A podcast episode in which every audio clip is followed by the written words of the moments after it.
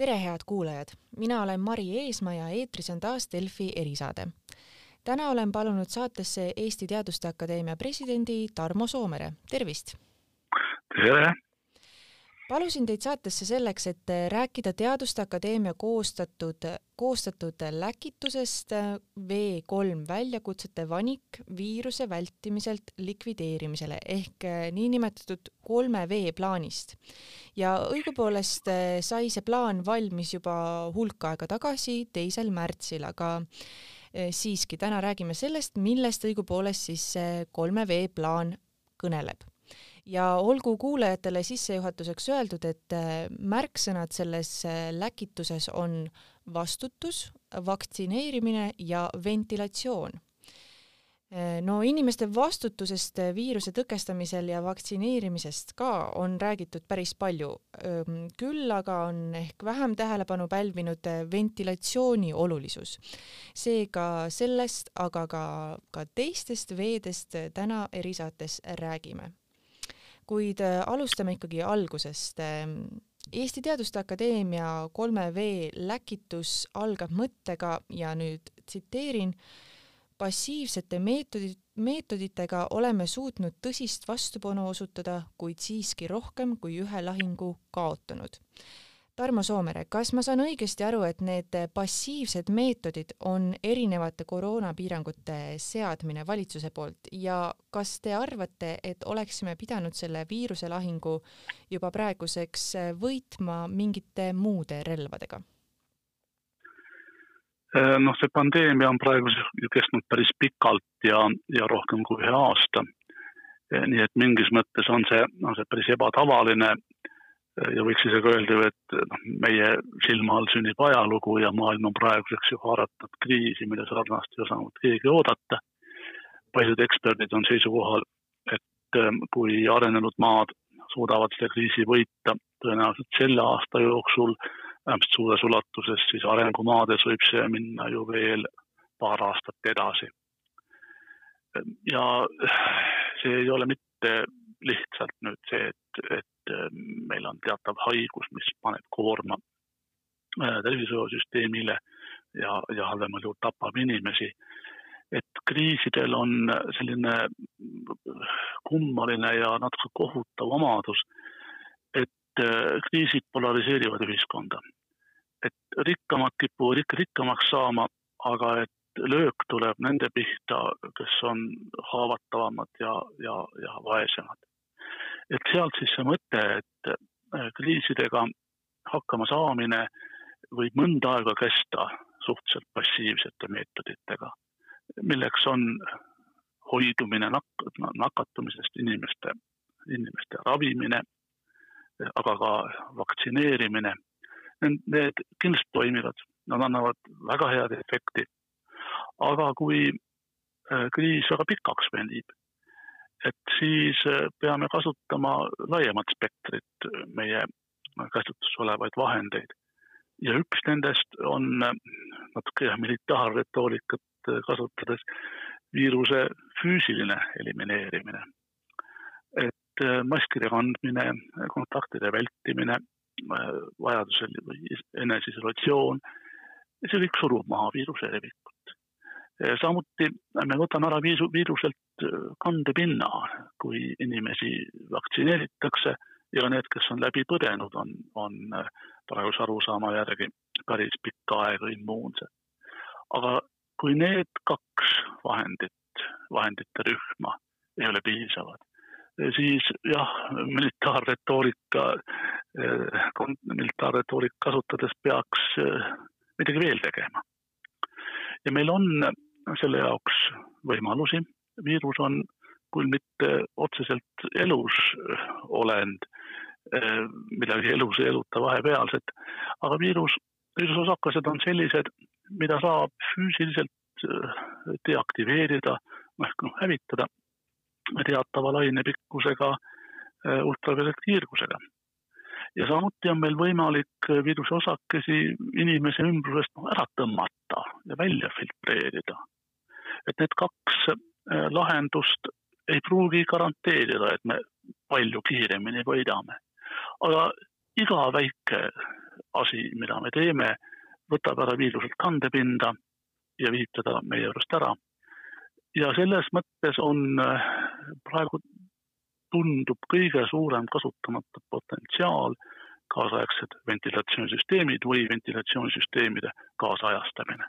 vot just nendest Nende... Äh, ventilatsioonisüsteemidest ma tahakski nüüd teiega rääkida, ma arvan, et selle ultraviolettkiirguse juurde tuleme veel tagasi, aga miks on siis see ventilatsiooni äh, süsteemide kaasajastamine Teaduste Akadeemia läkituses äh, eraldi välja toodud? eks me ju vaatame või püüame vaadata kogu äh, meetmete kompleksi tervikuna. kui meil on tegemist probleemiga, siis me hakkame tavaliselt pihta sellest otsast, kus on äh, kulu kõige väiksem ja kulu kõige suurem. et selleks olid äh, siis füüsilise distantseerumise vahendid, kätepesu, käte desinfitseerimine ja mitmed muud asjad. vaktsineerimine sinna juurde, aga Äh, edasi lähevad, tulevad mängu noh, kallimad asjad, aga millel on ka kindel võimekus vähendada äh, seda tõenäosust, et äh, ühe nakkuskandja poolt välja hingatud viirus, viiruse osakesed teiseni jõuavad. see viirus levib teatavasti põhiosas õhu kaudu. et seni teadaolevad hinnangud ütlevad, et nakatumine läbi kontaktpindade, puudutades seda pinda, mida on puudutanud nakatunud inimene. et see on, see on väga väike murdosa, väga väike tõenäosus nakatumiseks. edasi läheb asi füüsikasse, ma saan aru, et see on suhteliselt keerukas teema ja füüsika on olnud paljudele tõeline nõudlusunenägu juba gümnaasiumis. aga protsess ju on ju iseenesest lihtne, kui viiruse, kui viiruse osakesed püsivad inimese inimese äh, kopsus või, või hingamissüsteemis, siis välja hingates hakkavad nad kuhugi liikuma.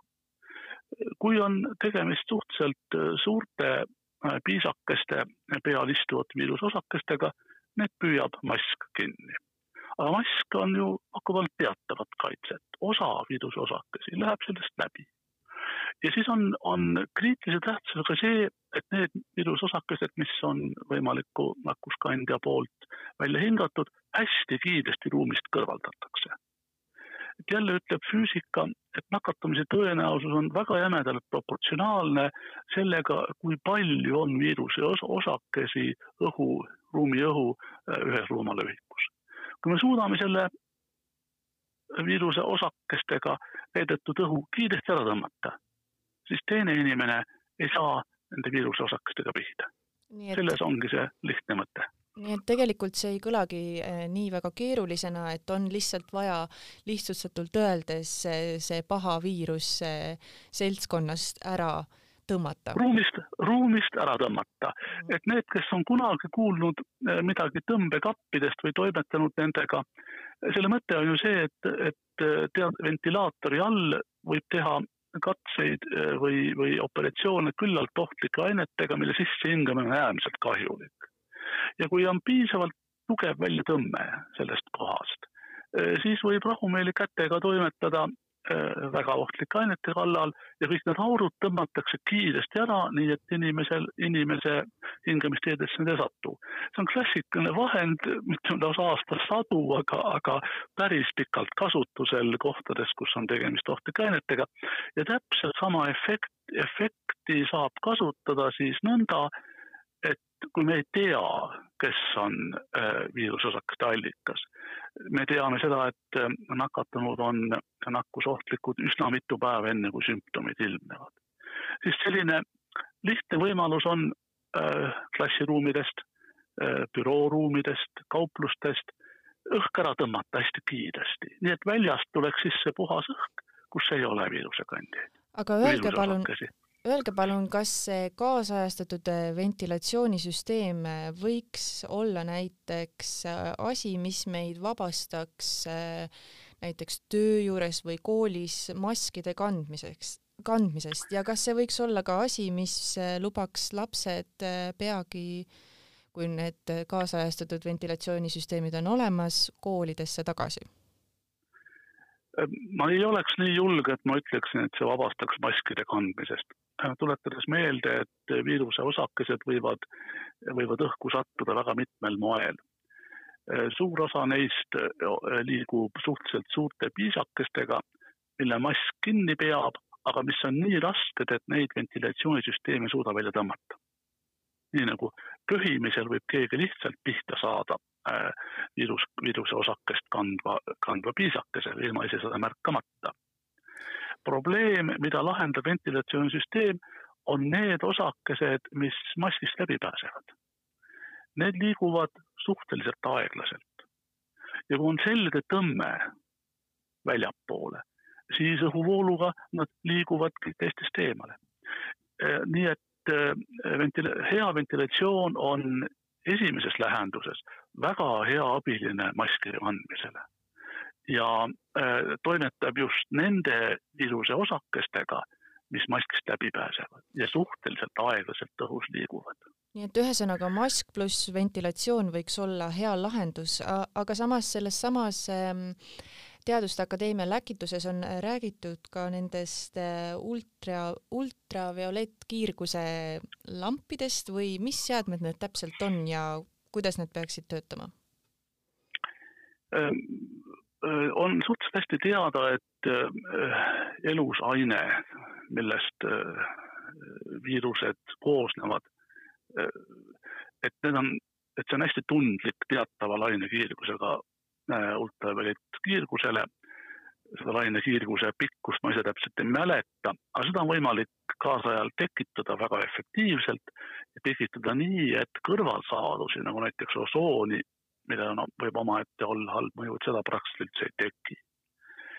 et eh, seetõttu on selline natuke nagu, nagu eh, võib-olla robustne või, või, või loodusvaenulik tegu teatavas mõttes Eh, taolisesse ventilatsioonisüsteemi lisada veel sellised lambid, mis viirusosakesi füüsiliselt hävitavad, ütleme viisakalt deaktiveerivad, aga sisu on see, et, et pärast selle lambi, selle lambi kiirgusest läbikäimist ei ole enam viiruse osakene nakkusohtlik.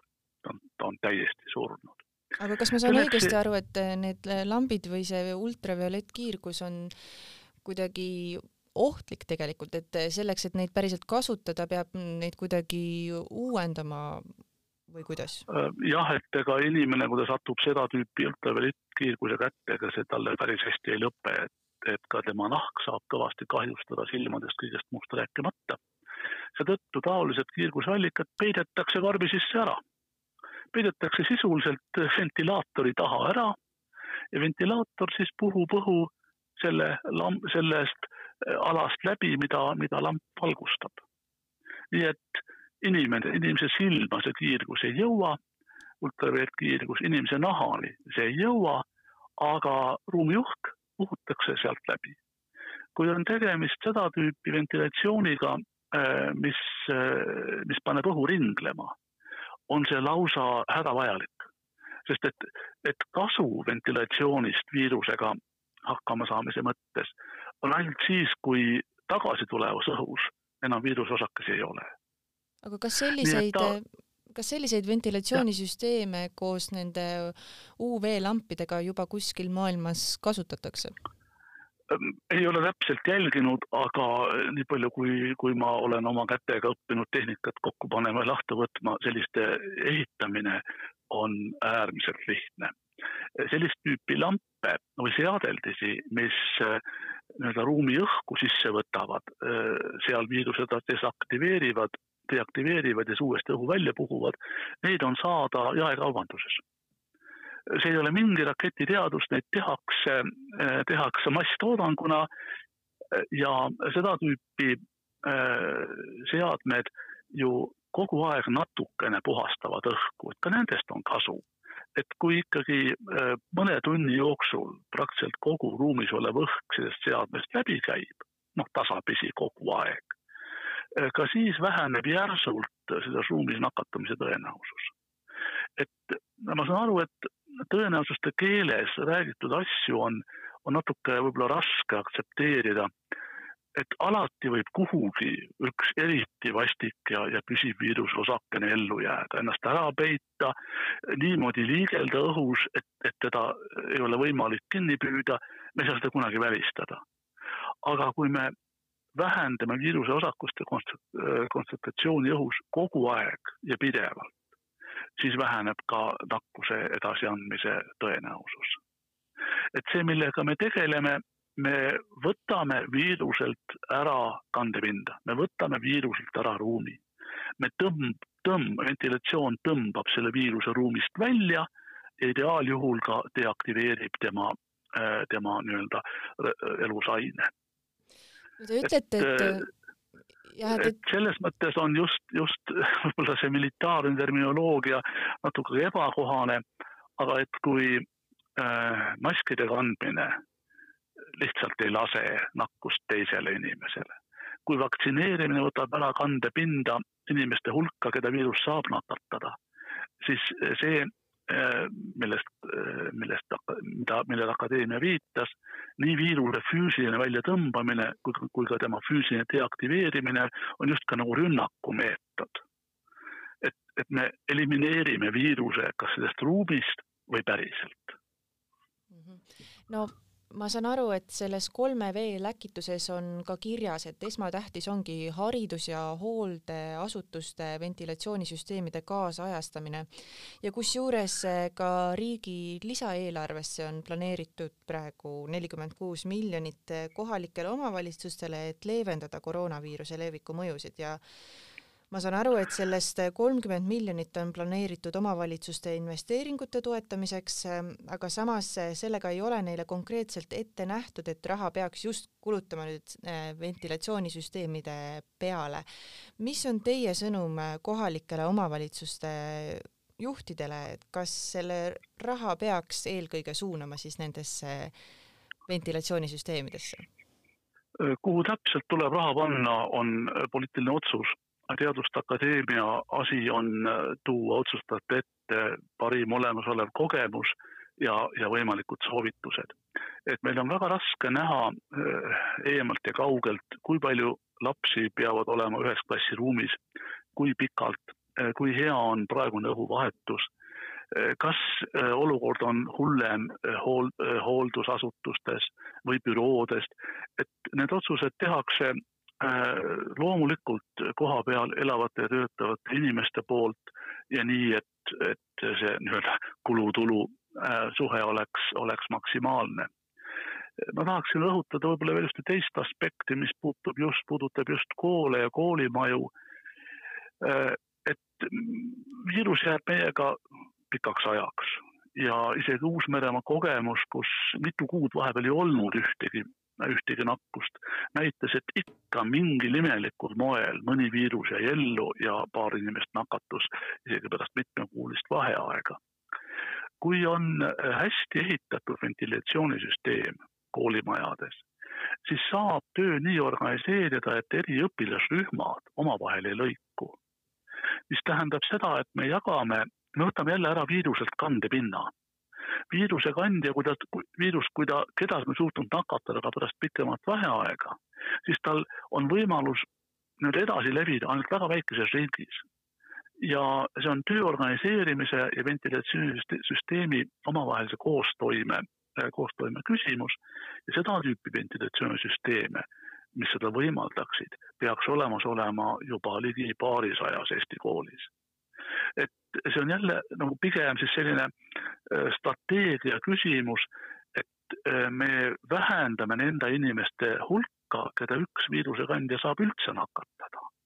sellega me automaatselt vähendame äh, nakatamise tõenäosust koolis tervikuna et ka see võimalus on olemas.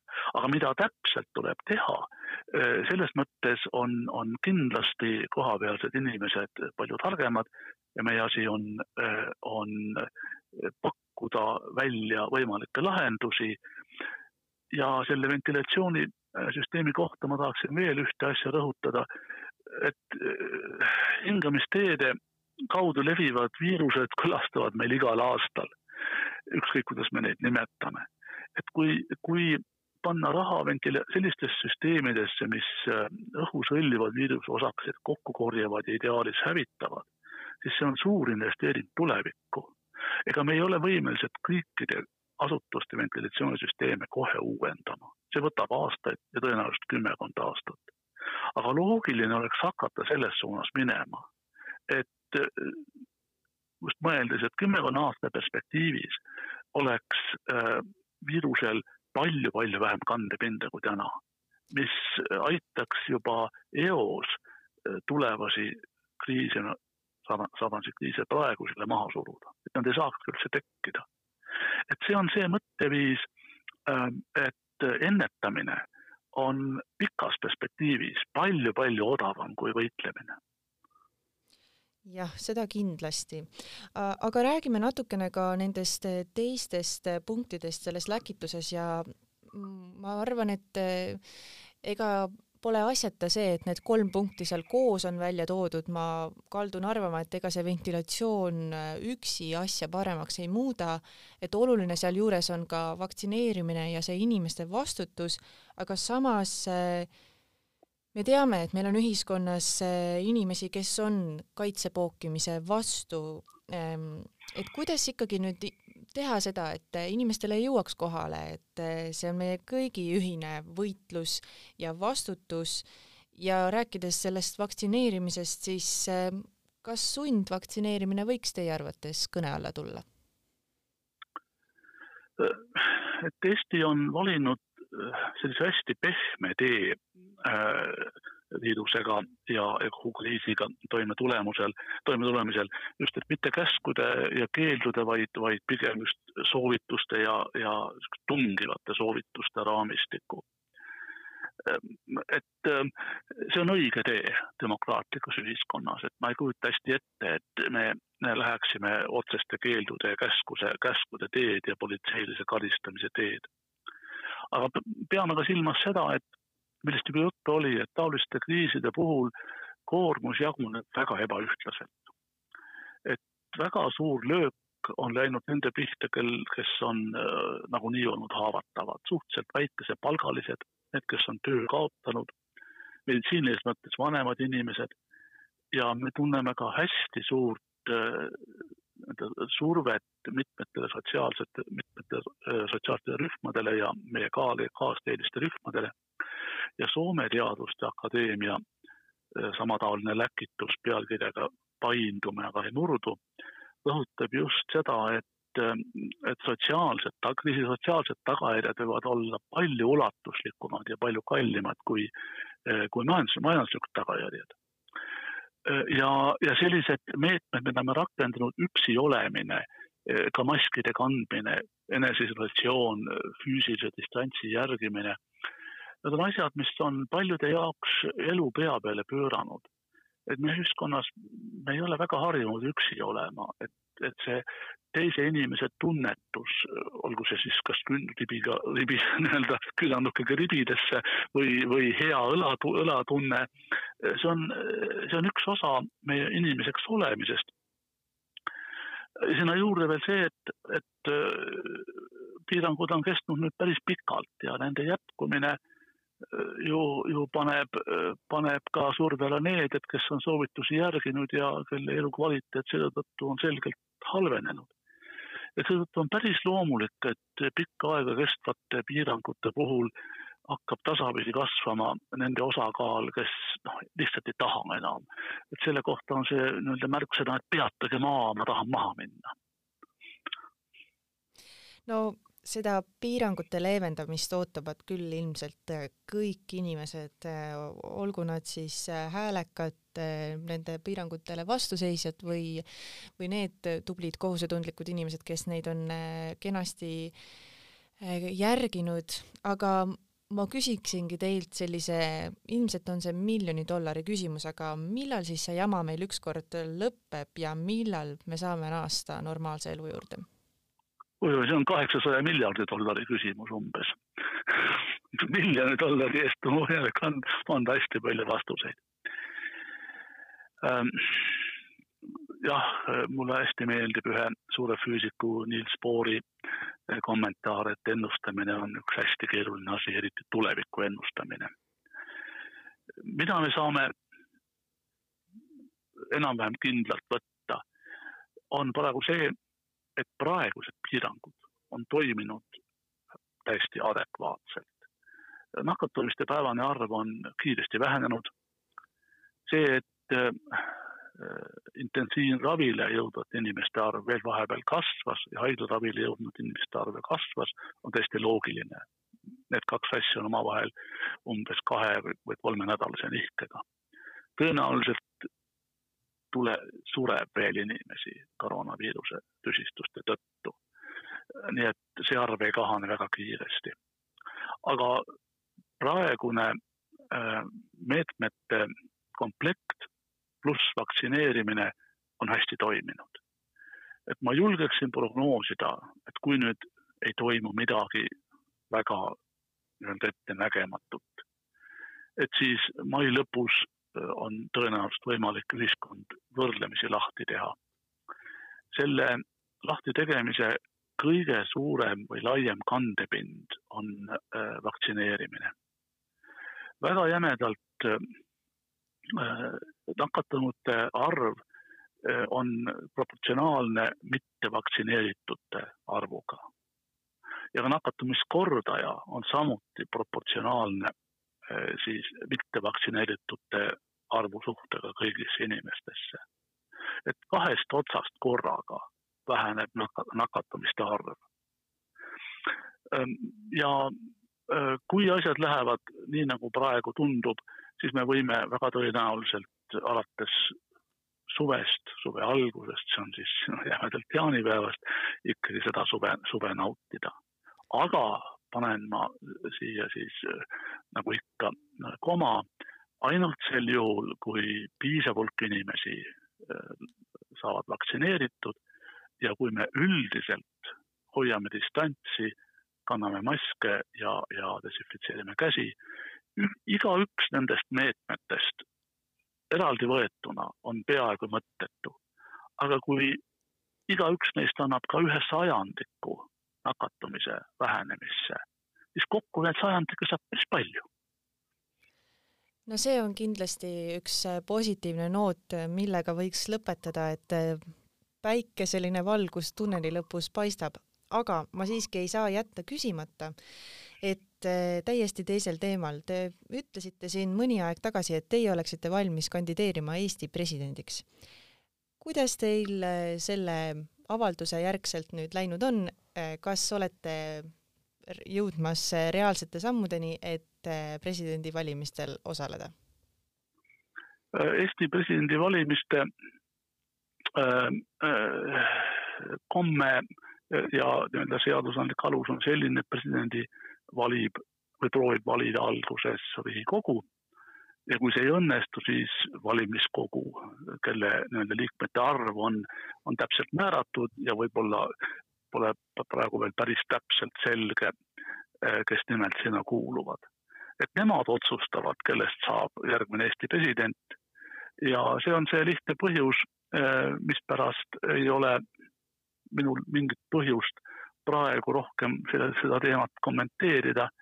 seni, kuni poliitikud ei ole oma sammu teinud, on minu jah-sõna tähendus täpselt see, mis ta oli et kui poliitikud otsustavad äh, minu nimel edasi minna, siis ma ei poe põõsasse.